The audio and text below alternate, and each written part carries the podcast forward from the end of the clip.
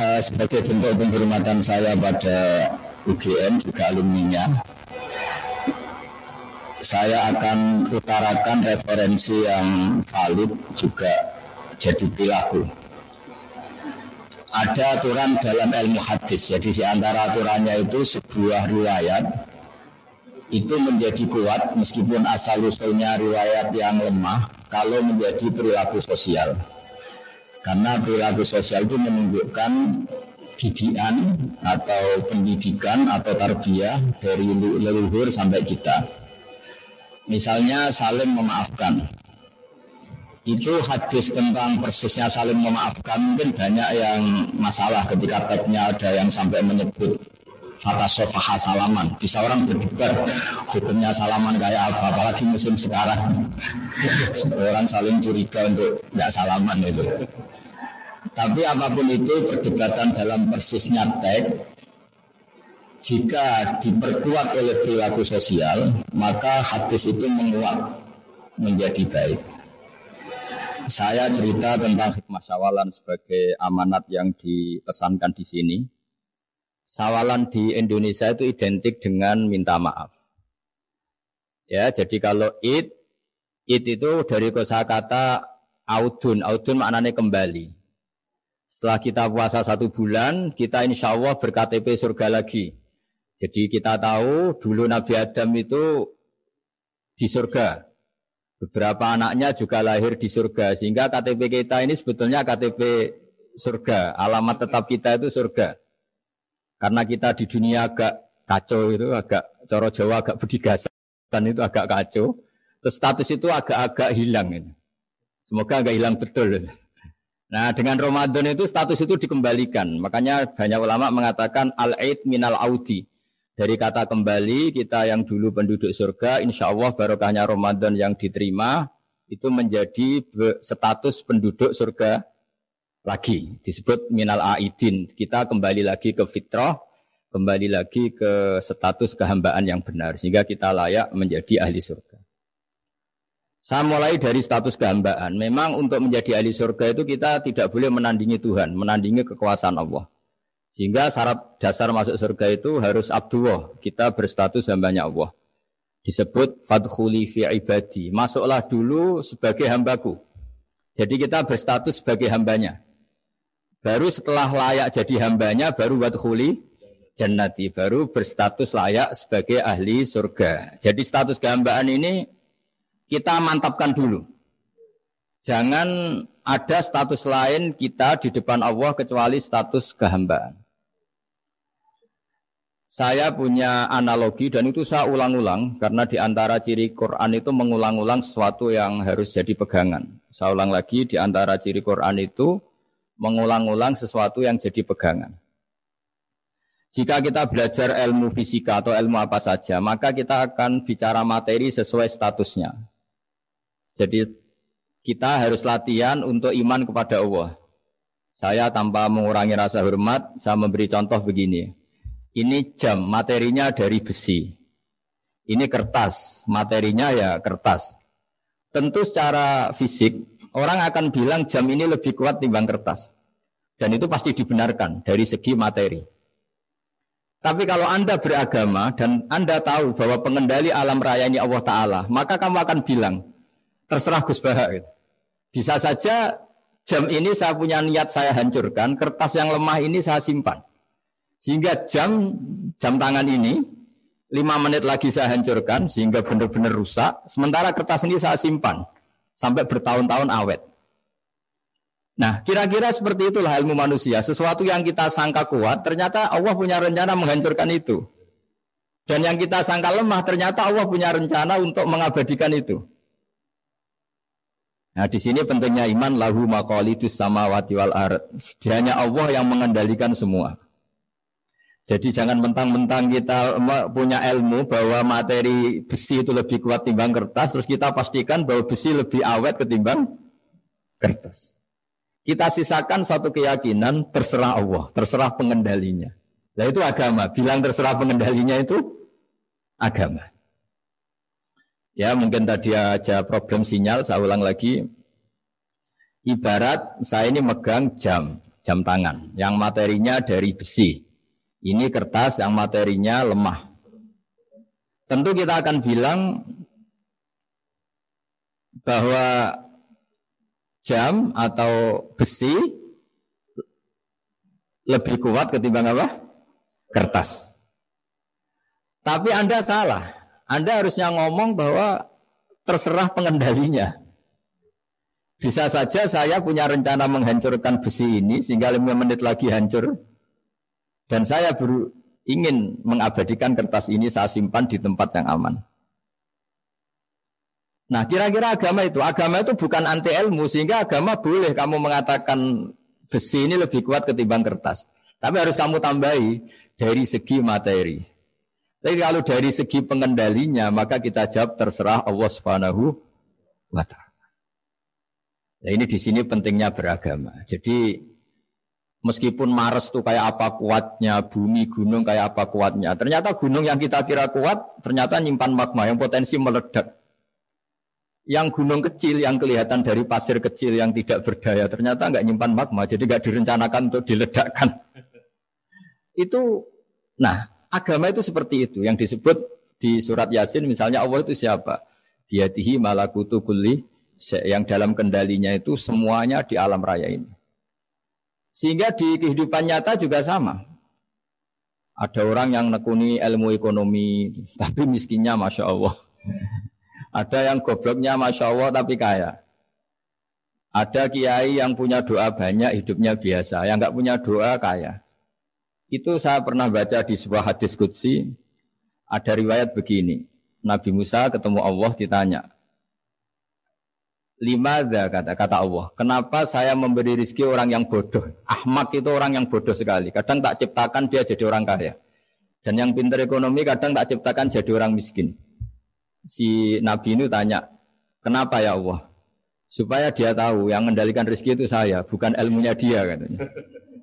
Jadi jadi banyak orang misalnya kita yang pinter dipekerjakan orang yang nggak pinter, yang punya pabrik tidak pinter mengerjakan orang yang pinter. Jadi ya kira-kira agama itu seperti itu. Sehingga dalam kita beragama itu yang paling ditekankan itu tawaduk. Tawaduk itu merasa sopan atau memang sopan betul. Kalau dalam ikhya disebut jika ranya Anda tidak bisa tawaduk secara rasa, tawaduklah secara ilmu. Saya ulang lagi ya, sekiranya Anda tidak bisa tawaduk secara rasa, tawaduklah secara apa? Ilmu. Karena ilmu itu akan abadi. Saya beri contoh begini, saya ini kan misalnya kiai di kampung saya atau di kecamatan saya. Saya mungkin bisa merasa hebat karena saya tokoh di sini. Tapi pastikan sebelum ada saya yang bernama Baha ini, agama sudah jalan. Dan di daerah lain yang nggak kenal saya juga agama sudah jalan. Betapa tidak pentingnya saya di kawasan-kawasan yang nggak butuh saya atau di era yang sebelum ada saya. Nah dengan ilmu seperti itu orang pasti tawaduk karena dia tahu daerah yang nggak ada saya ternyata ya ada masjid, ada agama. Periode yang sebelum ada saya juga agama jalan. Jika kita tidak kumo luhur, wah kalau nggak ada saya agama nggak jalan. Zaman Wali Songo tidak ada saya ya agama ya jalan. Ekonomi juga gitu. Kalau anda pakar ekonomi yang mensejahterakan rakyat, cara tawaduk itu kalau nggak bisa dengan rasa dengan ilmu. Sebelum ada kamu banyak orang kaya, banyak orang yang nggak kenal kamu juga kaya. Banyak periode yang saat itu tidak ada Anda juga kaya. Berarti Anda ini tidak siapa-siapa. Makanya saya pernah didatangin seorang profesor, ini kisah nyata. Gus, sebetulnya saya dengan bapak saya itu pinter mana? Bapak saya itu tidak tamat SD, tapi saya bisa profesor. Saya ini profesor, anak saya naik kelas saja sudah senangnya bukan main.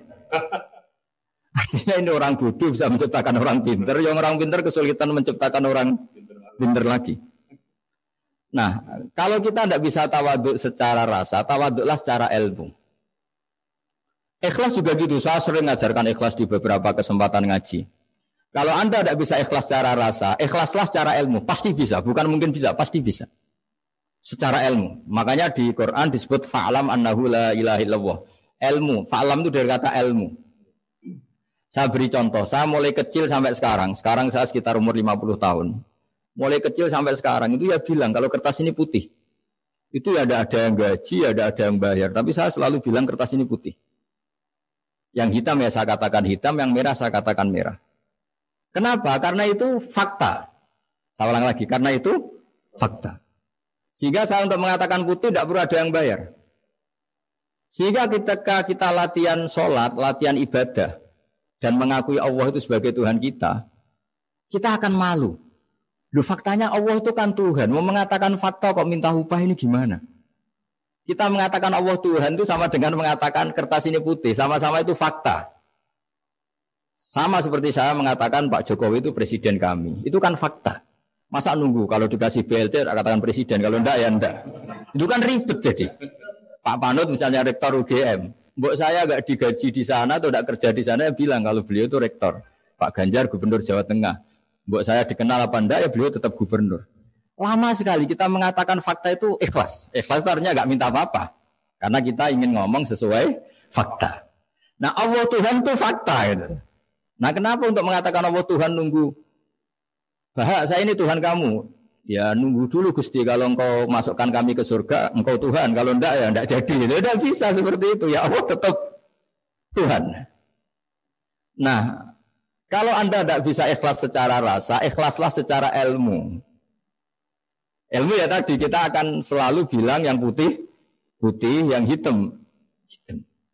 Makanya ini pentingnya ilmu. Tawaduk juga gitu. Kalau Anda ditekdir orang yang GR, yang gede rumongso, ditekdir orang yang kumo luhur, secara rasa bisa dilawan secara ilmu.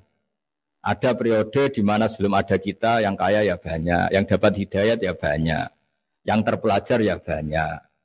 Ada daerah yang nggak kenal kita, nyatanya pendidikan di situ jalan, sistem sosial baik. Betapa tidak pentingnya kita.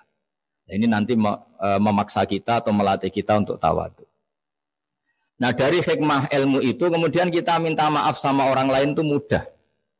Karena kita sadar bahwa adanya kita ini problem.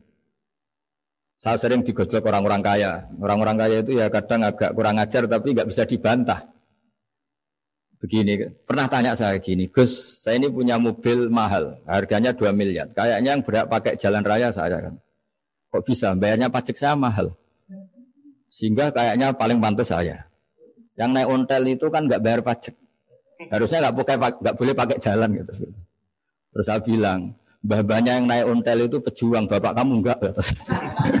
kamu enggak warisnya.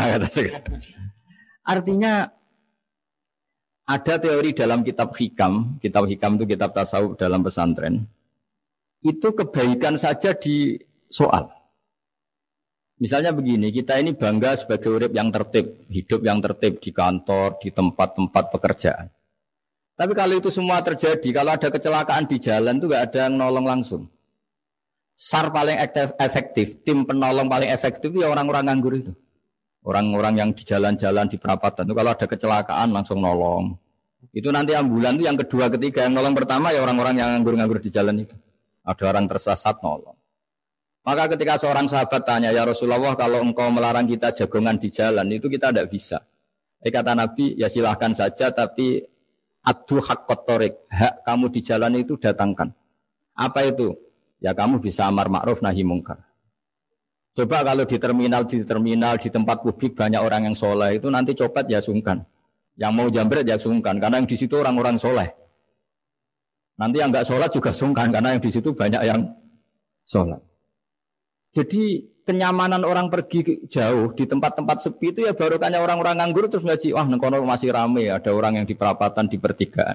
Bayangkan kalau ini orang-orang soleh pasti itu nyaman karena wilayah publik dihuni orang-orang yang soleh. Tapi orang pasti bilang itu nggak tertib. Kita inginnya hidup ya tertib di kantor atau yang suka di masjid di masjid. Tapi kalau itu terjadi, itu nggak ada tim sar gratis yang setiap saat kalau ada orang kecelakaan nolong. Makanya dalam makalah hikam itu paling masyur di antaranya itu manusia itu siapa? Manusia itu mangkanat mahasinuhu masawiya, fakih falatakun masawihi masawiya. Manusia itu orang yang saat baik saja ada salahnya, apalagi pas salah. Jadi kalau kamu punya toko lagi laris dan saat laris itu Anda ngerumat keluarga Anda, Anda melakukan kebaikan pada keluarga Anda. Pasti ada toko lain yang termahjubkan, yang tersingkirkan. Makanya saya pernah diskusi sama-sama sama kiai besar, guyonan sama saya. Kita-kita kalau kiai besar sebaiknya kalau diundang di musola kecil datang apa enggak? Kata kiai yang satu, jangan datang Gus, itu jatahnya kiai kecil.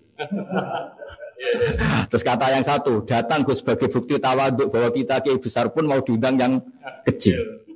Akhirnya kita ini ya kadang datang kadang enggak karena kadang kita enggak datang supaya jatah rezeki kiai kecil enggak enggak terambil. Kadang ya mau datang supaya dikira tawaduk. Makanya kalau seorang profesor sering terubah di bawah itu ya kasihan yang S1 SPDI itu kan nanti nggak jadi bintang kalau profesornya sering turun. Kalah terus gitu. Jadi kadang-kadang itu orang tuh harus berpikir secara ilmu, jangan rasa terus. Jadi itu ilmu.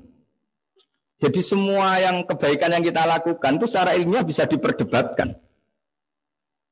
Ada orang senang ngomong serius supaya bangsa ini maju. Tapi bapak saya itu pesan saya, kamu kalau ngiai itu jangan sering ngomong serius kan. Masyarakat sudah capek mikir utang, mikir keluarga. Udah gitu sowan kiai dijak ngomong serius lagi nanti capek kan. Sehingga kiai-kiai dulu tuh kalau ketemu orang ya guyon terus. Karena tahu masyarakat sudah capek. Sudah banyak yang takut tanggal kredit gitu. sudah takut tanggal kredit, takut problem sowan kiai diancam neraka lagi itu kan ketakutan berkali-kali.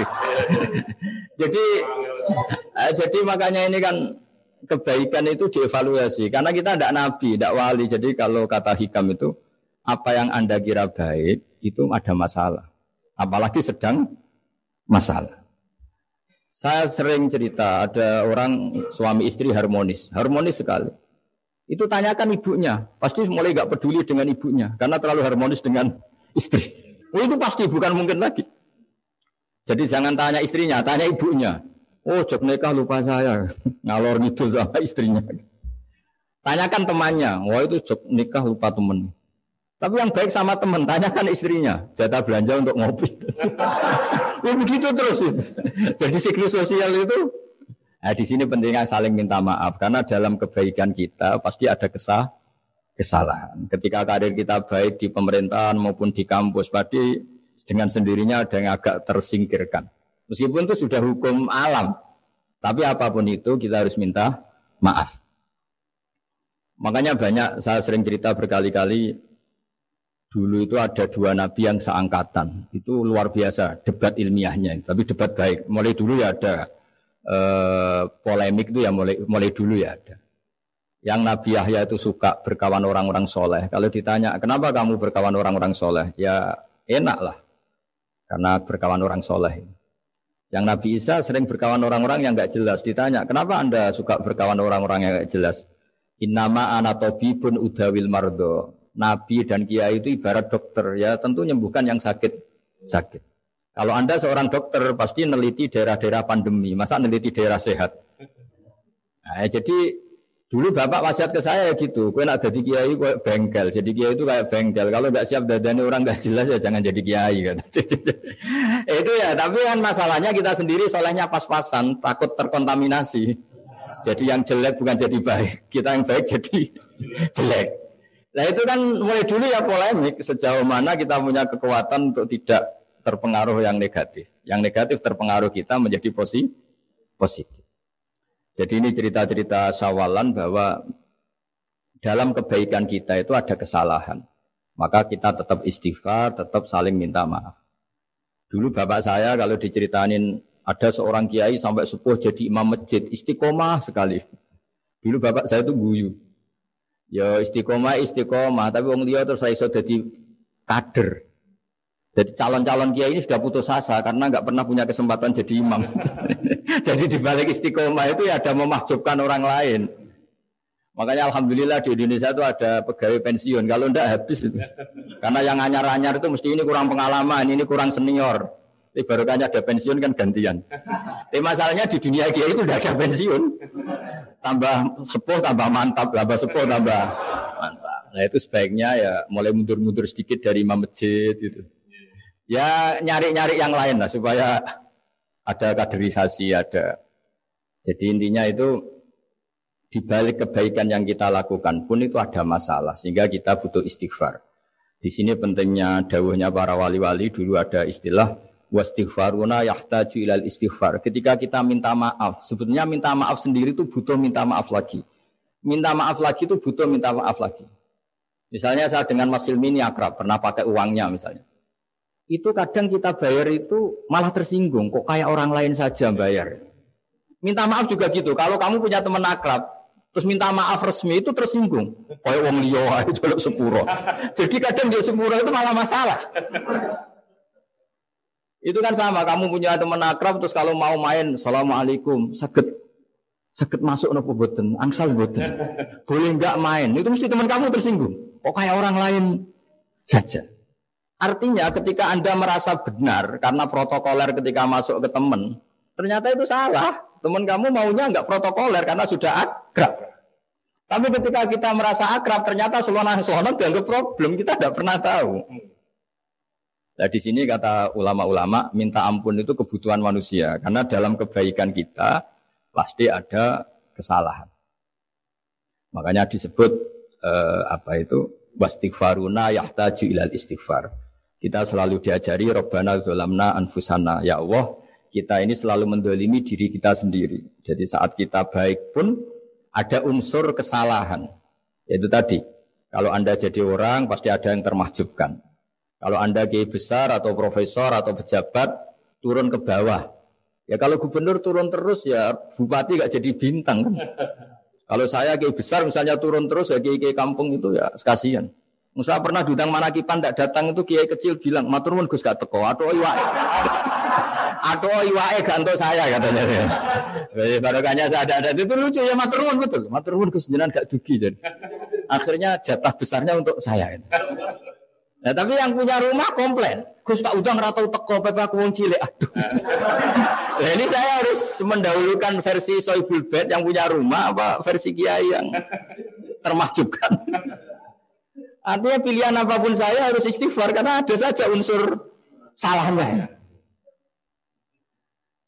Ya makanya ini kan makanya ya saya minta UGM juga saya sering undang saya, saya terus nanti dikira karena kampus besar Gus Bak mau juga keliru lagi. kalau satu dua kali mungkin boleh, kalau keseringan ya nggak boleh. Nanti itu dikira saya maunya hanya sama kampus besar. Padahal saya sama RT ya sering datang juga. Nah ini yang terakhir saya bacakan teks otoritatif sebagaimana janji saya. Di, e, kata Rasulullah Wasallam di sebuah hadis ini terakhir nanti supaya nggak lama-lama saya juga punya wadifah. Ada orang itu punya hutang, hutang itu ya hutang memang hutang. Sehingga cerita orang itu tidak bisa bayar sampai akhirat. Dan aturannya Allah orang yang punya hutang tidak bisa bayar ini harus diaudit, harus diselesaikan di akhirat. Kalau tidak bisa diselesaikan di dunia, diselesaikan di akhirat. Walhasil akhirnya di akhirat itu ditagih, ditagih dan tidak mampu bayar. Karena di akhirat sudah tidak ada kredit, tidak ada ATM, tidak ada apa saja. Terus kata Allah solusinya kebaikan kamu dikasihkan yang ngutangi. Ternyata kebaikan dia tidak cukup juga. Bayarnya apa? Kejelekan yang ngutangin dikasihkan yang utang. Kayak apa celakanya? Kebetulan yang ngutangi salahnya banyak, ini kan repot. Tapi Allah itu tidak suka kalau ada orang mukmin yang satu saudara kemudian masuk neraka karena saudaranya ini. Kata Allah, jika ini masuk neraka berarti disebabkan komplain atau ketidakikhlasan temannya yang mukmin. Masa orang mukmin menyebabkan mukmin yang lain masuk neraka. Allah tidak ingin. Makanya di antara nikmatnya beragama itu ukhuwah, persaudaraan. Baik persaudaraan atas nama iman atau atas nama kebangsaan atau atas nama kemanusiaan. Akhirnya si yang ngutangi ini tadi jangan dibahasakan kreditur nanti kita kayak bank yang ngutangin lah nanti. Ya bahasa gampangnya yang ngutangin karena tidak semua orang ngutangnya sama bank. Sama Allah ditunjukkan satu surga yang luar biasa. Nanti tak baca teks Arabnya ya supaya dapat berkahnya bahasa Arab. Terus saking mewahnya surga itu si yang ngutangin tanya, ya Allah itu untuk nabi siapa? Karena semewah itu pasti untuk kelas nabi. Atau untuk wali siapa? Katanya terus kata Allah, sabda Allah, e, untuk siapa pun yang mampu membeli. Lalu siapa yang bisa membeli surga semewah itu? Kamu bisa. Terus dengan apa ya Allah? Kamu mengampuni teman kamu itu. Kamu bebaskan dari utangnya. Nanti tak kasih surga itu. Terus akhirnya sama Allah, Kata orang itu, ya ya Allah saya bebaskan. Ya sudah kamu berdua masuk surga. Karena Allah tidak ingin ada kasus aneh. Dua orang mukmin ini kan bersaudara. Masa bersaudara kemudian yang satu menjadi penyebab masuknya neraka karena ini tidak mau memaafkan. Artinya kalau kita sawalan itu harus benar-benar mau memaafkan karena kalau tidak Anda menjadi penyebab teman kamu masuk neraka. Jadi kita janganlah jadi orang mukmin yang menjadi problem bagi saudara kita. Jadi makanya saya itu berharap ada wali utang saya terus tidak bisa bayar karena ini masih dibela-belain Allah ini. karena Allah nggak ikhlas kalau ada walinya masuk neraka. Jadi kalau ada wali utang kamu itu utangin saja doain nggak bisa nyaur, no? nggak bisa bayar. Nanti ini akan dibela-belain Allah di akhirat. Karena wali ini nggak pantas masuk neraka. Ya, jadi kalau ada wali utang kamu mau bayar sudah tidak usah bayar nanti di akhirat saja itu. Lah yang ribet kalau yang kamu utangin dia ahli neraka, kamu nagihnya disuruh masuk neraka. Nah, itu ribet itu. Sudah utang dia ahli neraka. Ya tak baca teksnya supaya ini ada di kitab Ikhya halaman 197 juz 2 uh, status hadisnya waqala sahihul isnad. Kata Imam Hakim uh, hadis ini sahihul isnad. Saya baca Arabnya nanti insya Allah uh, sebagian. Ya supaya kelihatan teks aslinya di bab hukukul muslim. Benama Rasulullah Shallallahu Alaihi Wasallam jalisun izdohika hatta badat sanayahu. Nabi ketika santai-santai duduk, tahu-tahu tertawa sampai gigi depannya itu kelihatan. Jadi tertawa sangat sampai gigi depannya kelihatan. Yang notabene beliau sering hanya senyum, kali ini tertawa betul sampai gigi depannya kelihatan. Fakola Umaru radhiyallahu anhu ya Rasulullah bi abi anta wa ummi malladhi adhakaka. Apa yang bikin kau sampai tertawa seperti itu? Qala rajulani min ummati jasaya bena yaday rabbil izzah. Dua lelaki dari umatku sama-sama sungkeman nuntut keadilan di depan Allah. Jasaya itu sungkem. Allah duduk bersimpuh itu kalau dalam bahasa Arab itu apa? namanya jasiyah. Faqala ahaduhuma ya rabbi khudli mazlamati min hadha. Faqala wa rudda ala akhika mazlamata. Qala ya rabbi lam yaqali min hasanati syai'un. Faqala wa ta'ala li talib kaifa tasna'u bi akhika wa lam yaqalahu min hasanati syai'un.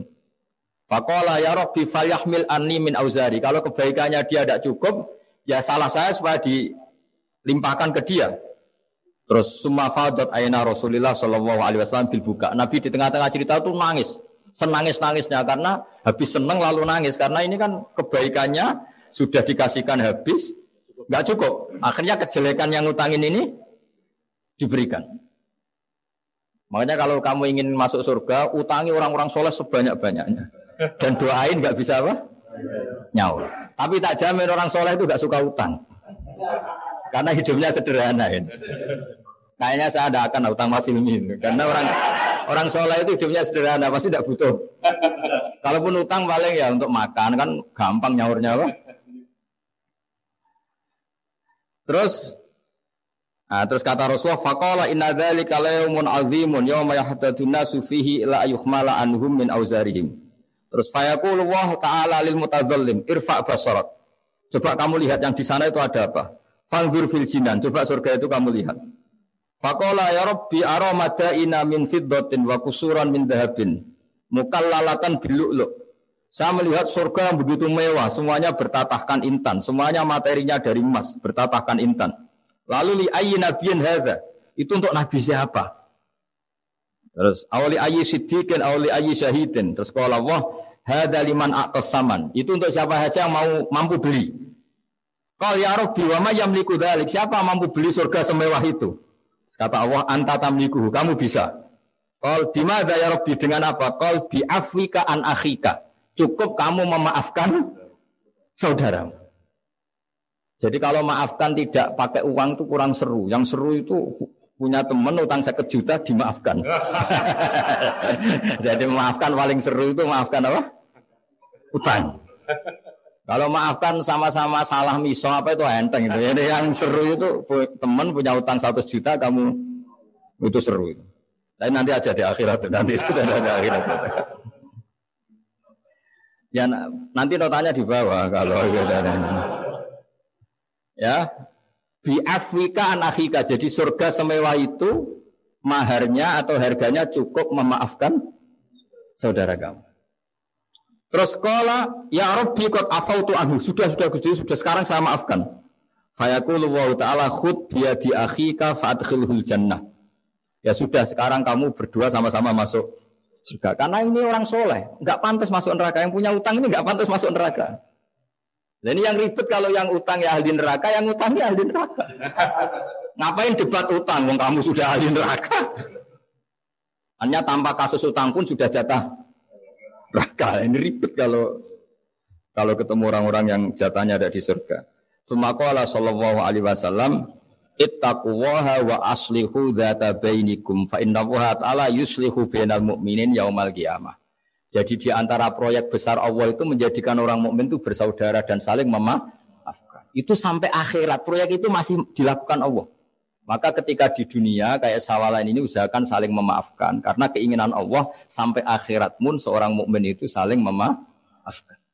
Ya, jadi ini sebagai penghormatan saya pada teman-teman alumni UGM juga semua muhibin, semua yang memanfaatkan ngaji ini bahwa kita harus berjiwa besar untuk saling apa?